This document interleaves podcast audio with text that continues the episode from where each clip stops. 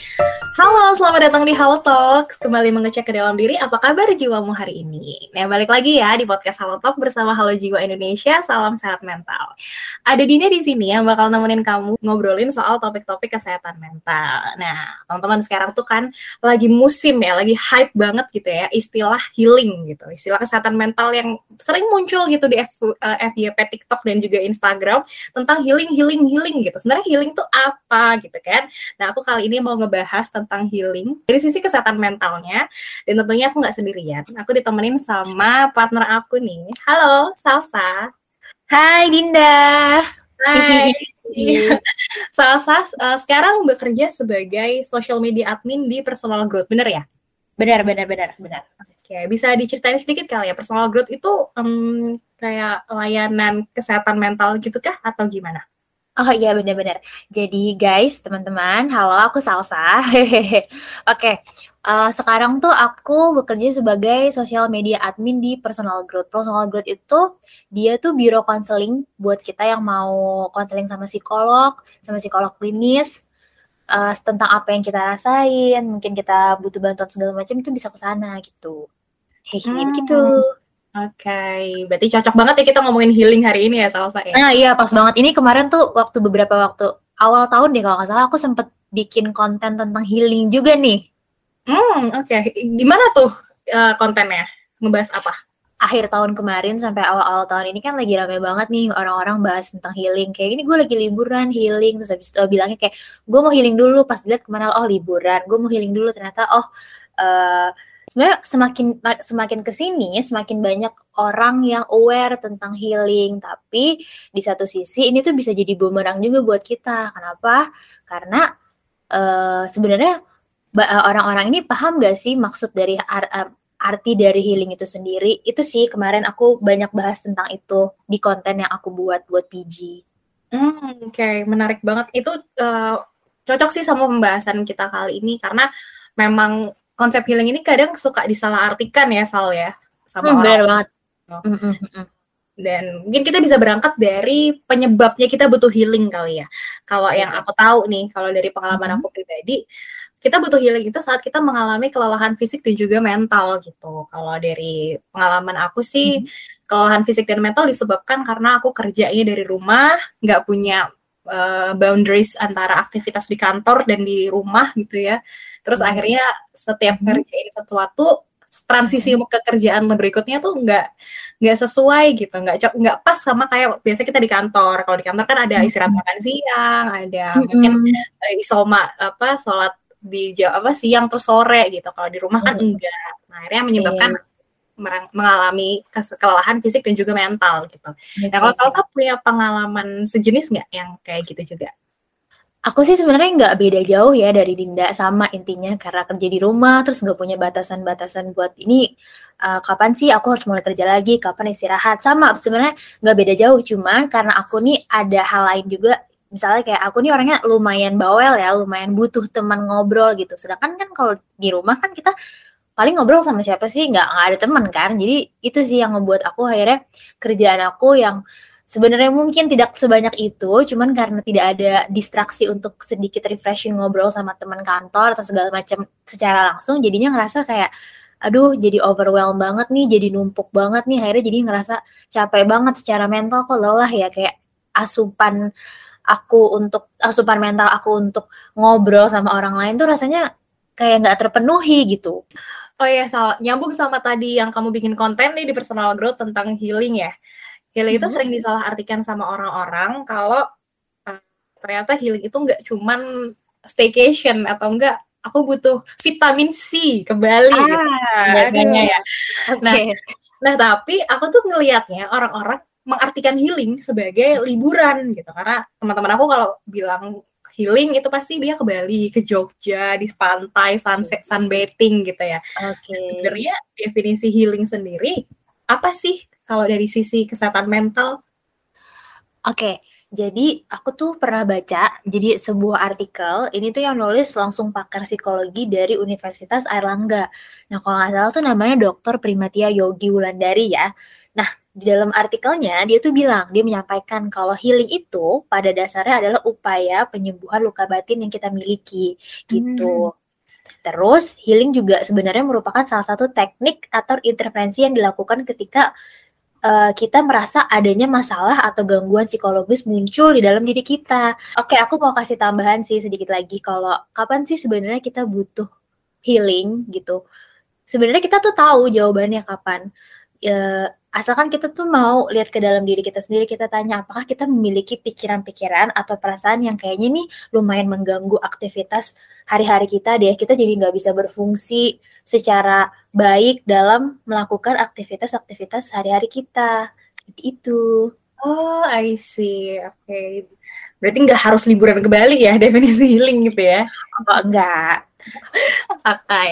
Nah, kalau menurut Salsa sendiri nih, yang fenomena-fenomena yang sering kita lihat ya, apalagi di sosial media gitu. Liburan-liburan ke Bali, terus kita ngelihat kayaknya liburan yang mereka lakukan uh, nggak apa ya membutuhkan budget yang besar gitu. Okay. Nah biasanya orang-orang yang uh, melakukan healing keluar hmm. kota atau keluar ya kita disebut Bali gitu atau Jogja gitu yang biasa sering hmm. dijadiin destinasi hmm. mereka tuh nabung nih nabung banyak biar bisa keluarin budget besar akhirnya seminggu tuh healing di Bali ngeluarin budget yang besar nah hmm. apakah itu bisa dilakukan atau salah satu punya tanggapan sendiri nih untuk orang-orang yang melakukan healing dengan sistem seperti itu Oke, okay. menurut aku dari situasi atau penggambaran yang tadi Dinda jelaskan tentang healing yang harus keluar uang jutaan rupiah buat stay di Bali beberapa hari itu justru malah kurang bijaksana ya. Kalau misalnya kita sebut itu tuh sebagai proses healing dengan budget yang sebegitu besar. Sebenarnya nggak salah juga sih kayak kita oh gue, gue uh, apa sorry aku mau healing tapi harus ngeluarin budget segini. Nggak salah kalau itu tuh gak uh, sudah kita alokasikan dengan baik. Sudah uh, budget tadi tuh udah kita persiapkan dengan baik. Memang oh ya udah healing dengan budget segini nggak akan mempengaruhi atau nggak akan memperburuk keadaan finansial aku nih dari yang sebelumnya gitu. Yang hmm. salah kalau misalkan uh, oke okay, aku mau healing terus aku siapin budget segini tapi habis pulang healing bangkrut. Ya sama aja dong. Hmm. maksudnya jadinya kita malah habis healing menimbulkan masalah-masalah lain gitu aja terus patternnya dan gak selesai-selesai. Ah, yes, yes, yes. Iya sih bener banget itu kurang wise ya kalau ngeluarin uang sebanyak-banyaknya tapi ternyata itu uang uh, uang harian kita yang dipakai untuk iya. itu ya. Okay. Terus nanti pulang dari mana dari Bali atau dari Jogja malah tambah stres, malah tambah pusing terus nanti mau healing lagi gitu aja terus nggak ada ujungnya. Iya, iya, iya. Oke. Nah, uh, akhirnya di gara-gara aku sering lihat nih di sosial media healing itu diartikan sebagai liburan di tempat dengan budget yang besar gitu. Akhirnya ada beberapa beberapa ada beberapa orang yang menganggap bahwa ih jangan-jangan kamu nih healing cuman biar mau escape aja dari pekerjaan kamu gitu, pengen nunda-nunda aja pekerjaan kamu. Alasannya pengen healing ke Bali, ada masalah dan lain-lain, tapi ternyata memang dia uh, lagi pengen apa ya istilah kasarnya kabur aja gitu dari pekerjaannya dia tanggung jawabnya dia sehari-hari. Nah akhirnya menimbulkanlah stigma negatif nih tentang healing itu sendiri dari orang-orang yang mungkin memang belum paham ya tentang hmm. healing itu sebenarnya apa. Nah kalau kayak gitu, menurut Salsa gimana tuh healing yang disalahartikan sebagai ah apa kamu sosokan aja mau healing padahal pengen jalan-jalan aja, pengen kabur aja dari tanggung jawab kegiatan sehari-hari gitu. Ini nih kayaknya yang perlu diluruskan ya dari arti healing. Healing tuh sebenarnya hmm. uh, tadi nggak perlu harus mahal-mahal. Kita tuh bener-bener bisa healing dari uh, nol rupiah tuh bisa. Misalnya kayak aku pernah dengar ya suatu podcast yang bilang kalau misalnya dengan kita grounding, dengan kita jalan di uh, menyatu dengan alam itu tuh udah termasuk dalam proses healing gitu. Jadi kayak jangan pernah menganggap healing itu suatu hal yang mahal atau dikaitkan dengan apalagi sampai dikaitkan uh, sebagai sebuah pelarian tadi, escaping tadi. Hmm. Karena kan uh, aku tadi udah bilang belum ya kalau misalnya healing itu tuh benar-benar penuh dengan pertanggungjawaban. Kayak uh, coba lihat lagi sebenarnya kamu truly butuh healing gak sih atau sebenarnya tuh kamu nggak butuh healing, cuman kamu cuma bu lagi capek aja, terus kamu butuh istirahat gitu. Jangan jadikan healing sebagai tameng kamu untuk kayak aku butuh healing, aku butuh escape dulu, terus padahal kamu sebenarnya tidak sebutuh itu gitu. Maksudnya dalam artian uh, kamu cukup dengan istirahat gitu loh uh, bukan yang sampai harus melakukan proses-proses tertentu, harus mengeluarkan uang yang banyak itu enggak gitu. Uh, apa namanya kata kuncinya di tadi itu ya kita hmm. harus tahu dulu nih kebutuhan kita kayak gimana gitu ya. Hmm, betul. Hmm, I see. Kalau memang ternyata nggak sebutuh itu, sebenarnya healing yang membutuhkan uang yang eh, budget yang besar itu nggak masalah, asalkan sesuai dengan kebutuhannya gitu ya. Iya, betul, betul banget, betul. Oke, okay. aku setuju banget sih kalau memang healing itu disalahartikan jadi hal yang negatif. Sebenarnya healing ini nggak salah apa-apa gitu ya. Kalau dari dari istilah psikologi sendiri itu healing tuh memang ada dibutuhkan untuk penyembuhan luka batin gitu. Akhirnya karena ada oknum-oknum mungkin ya yang kurang mm-hmm. mengerti arti healing sebenarnya, dia menjadikan healing mendapatkan stigma negatif gitu. Nah, mungkin kita bisa langsung ke ininya kali ya. Kita langsung ke tipsnya. Kalau Salsa sendiri dari pengalaman pribadi dan juga beberapa artikel yang pernah Salsa baca gitu ya. Tips-tips untuk uh, healing gitu, untuk penyembuhan luka batin dari seseorang itu lebih baiknya seperti apa? Kalau tips versi aku dan versi orang-orang yang pernah aku baca, sebenarnya healing tuh sangat mudah untuk diterapkan pada uh, proses awalnya. Maksudnya awal untuk memulainya itu mudah banget. Caranya pertama adalah kita sadar dulu nih, sebenarnya kita butuh nggak sih healing? Kita tuh bener-bener tanyakan ke diri kita, aku tuh lagi kenapa-napa nggak ya? Kayak ada sesuatu yang berubah nggak ya dalam hidupku yang akhirnya uh, merubah aktivitasku dan merugikan diriku nggak ya? Nah setelah kita sadar, kita tahu jika jawabannya ada, wah kayaknya iya nih hidupku mulai kayak disfungsi, nggak berfungsi secara baik seperti biasanya. Kita cari tahu nih, apa sih penyebab penyebab hal itu? Apa sih penyebab luka batin yang kita rasakan itu? Nah, setelah kita cari tahu, kita udah tahu, baru deh akhirnya kita pelan-pelan, be gentle aja teman-teman, gak usah buru-buru, kita maafkan tuh penyebab luka batin yang ada di dalam diri kita. Tujuannya untuk ketenangan diri sendiri juga gitu. Nah, karena tadi karena kita semua tahu lah ya teman-teman kalau proses memaafkan itu tidak semudah itu. Nah, untuk mensiasatinya atau untuk uh, memberikan jalan yang lebih mudah, kita tuh bisa sambil sambil memaafkan, sambil melakukan ak berbagai aktivitas positif yang bisa membantu kita merasa lebih tenang seperti itu. Nah, oke. Okay. Nggak sampai di situ aja, tapi ada juga aduh jadi panjang ya. Sorry ya kalau kepanjangan Dinda dan teman-teman.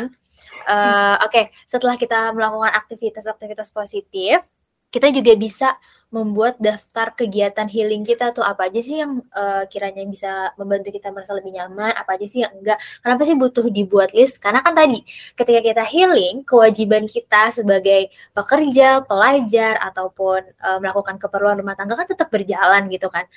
Sebenarnya uh, kita di, dibatasi waktu tertentu kan untuk melakukan kegiatan itu, makanya perlu banget kita bikin list supaya proses healingnya tuh nggak sia-sia, nggak yang nggak jelas nggak tentu tujuannya mau ke mana gitu. Nah ini tuh agak mundur sedikit. Jadi sebelum kita uh, memulai bukan memulai ya, sebelum kita me menerapkan si tips-tips healing tadi ini kita pastikan dulu kalau misalnya kewajiban-kewajiban kita tadi tuh yang udah aku sebutkan tadi itu udah bener-bener seles kita selesai kita selesaikan terlebih dahulu. Misalnya kayak misalnya aku, aku mau healing, cuman kan aku masih kerja ya. Jadi aku selesaiin dulu semua kerjaan aku, baru aku ambil cuti gitu. Jadi pas proses healing eh, nggak uh, keganggu sama beban-beban pekerjaan yang belum selesai. Seperti itu kiranya. Wow, oke okay. banyak ya kita banyak banget dapat tips dari Salsa nih hari ini.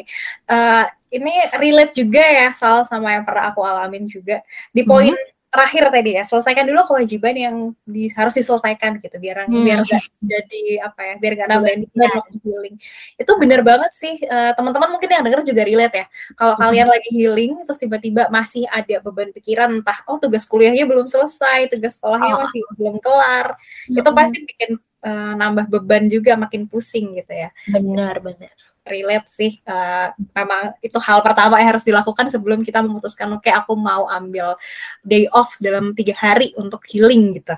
Kalau Salsa pernah pernah ini nggak ngalamin apa kelelahan fisik dan mental mungkin ya sampai hmm. akhirnya butuh day off lama nih. Terus menerapkan dari tips-tips yang Salsa uh, sebutkan tadi tuh pernah uh, ke apa namanya punya pengalaman pribadi nggak? Kalau dari aku pengalaman healing yang pernah aku lakukan atau mungkin ini lebih tepatnya sedang aku lakukan adalah aku tuh orangnya nggak uh, mau repot, nggak mau muluk-muluk. Jadi menurut aku healing terbaik yang bisa aku lakukan sekarang adalah bener-bener aku keluar kamar, aku jalan di depan, kebetulan ini di depan kamar aku tuh memang ada taman gitu, jadi aku jalan, aku nyeker, itu bener-bener energinya beda banget ketika aku nyeker, ketika sama aku pakai sendal, aku ngeliatin uh, udara-udara apa, uh, udara pagi yang segar, suara burung, karena rumah aku deket tol, jadinya suara mobil, uh, aku bener-bener resapi, aku dengarkan, aku nikmatin banget setiap detiknya. Itu sih kalau uh, healing versi aku. Jadi aku bener-bener menyatu dengan alam gitu ibaratnya aku bener-bener uh, melihat ke diri aku dan aku de dengan dengan aku menyatu dengan alam, aku bisa menjadi merasa jadi lebih bersyukur gitu. Itu bener-bener membantu aku dalam proses healing tadi dan itu juga ada kaitannya erat sama tips healing tadi kan buat yang melihat ke dalam diri seperti itu. Oh, oke. Okay. Iya sih aku pernah dengar tuh kalau kita lagi penat dan memang apa namanya butuh uh, ketenangan gitu ya uh, lebih baik kita melihat hal yang berbau alam gitu. Oh, ini menarik banget nih tips juga bisa di, uh, diterapin ya sama teman-teman kalau sekarang lagi ngerasain penat gitu. Cuman kayaknya budget untuk liburan masih belum ada. Boleh ya kita jalan-jalan di alam dulu nih sekitar rumah gitu ya. Betul betul banget betul banget Oke, okay. pengen banget rasanya ngobrol-ngobrol sama Salsa lebih lama, tapi kita uh, running out of time. Jadi mungkin untuk mengakhiri sesi ngobrol kita kali ini, aku minta Salsa kasih apa ya? Mungkin takeaways terakhir, boleh quotes, boleh kata motivasi yang sering Salsa terapkan saat Salsa lagi merasakan luka batin yang butuh healing gitu. Oke, okay, kalau kalimat motivasi atau quotes apa ya? Aku tuh sebenarnya lumayan anak quotes banget sih. Aku tuh ngumpulin banyak quotes karena aku suka banget termotivasi ya. Jadi aku kayak mm-hmm. ah, ketika aku baca-baca quotes entah itu di Instagram, di Twitter atau di mana-mana, aku suka banget. Tapi ada satu banget, satu quotes yang aku lumayan selalu look up to ke quotes ini. Ini of course sangat berhubungan dengan healing. Uh, ah, sebuah quotes, quotes yang berisi let go and let God do the rest sekian. Wow, itu aku kayak wow. Jadi selama ini selama ini mungkin kita itu tadi ya, ya kata Salsa kita kurang bersyukur gitu ya. Kita sudah hmm. melakukan hal sebaik mungkin tapi ya we'll hmm. never know apa biarkan Tuhan yang memberikan hasilnya gitu ya. ya betul banget Dinda. Kita udah usaha sekelas mungkin, sisanya kayak kita serahkan kepada Tuhan karena Dia tahu yang terbaik. Oke. Okay. Thank you so much Salsa udah mau temenin aku ngobrol hari Thank you juga Dinda. Semoga Salsa selalu sehat, selalu uh, dalam keadaan bahagia, senang, ceria seperti hari ini. Semoga kita bisa ketemu di kesempatan lainnya. Terima kasih. Terima kasih. Terima kasih sudah mendengarkan podcast episode kali ini. Semoga obrolan kita bisa membawa hal positif dan bermanfaat buat kamu. Jika kamu tertarik pada konten seputar psikologi dan kesehatan mental lainnya, kamu bisa mengunjungi Instagram Halo Jiwa di @halojiwaindonesia. Kamu juga bisa cek Twitter Halo Jiwa dan Facebook Halo Jiwa Indonesia untuk mendapatkan konten edukasi dan informasi lainnya. Selain itu, untuk kamu yang ingin bercerita, Halo Jiwa membuka program bernama Ruang Refleksi Online yang akan membantu kamu untuk bercerita terkait masalah yang sedang kamu hadapi bersama pendamping sebaya dari Halo Jiwa. Halo Jiwa juga punya banyak banget merchandise menarik yang bisa kamu beli di Instagram at Halo Jiwa Shop. Nantinya, hasil pembelian produk di Halo Jiwa Shop akan digunakan untuk donasi pengembangan kesehatan mental masyarakat. Jadi langsung aja cek IG-nya di at Halo Jiwa Shop. Selamat bertumbuh dan sampai jumpa di episode berikutnya. Stay healthy and stay happy.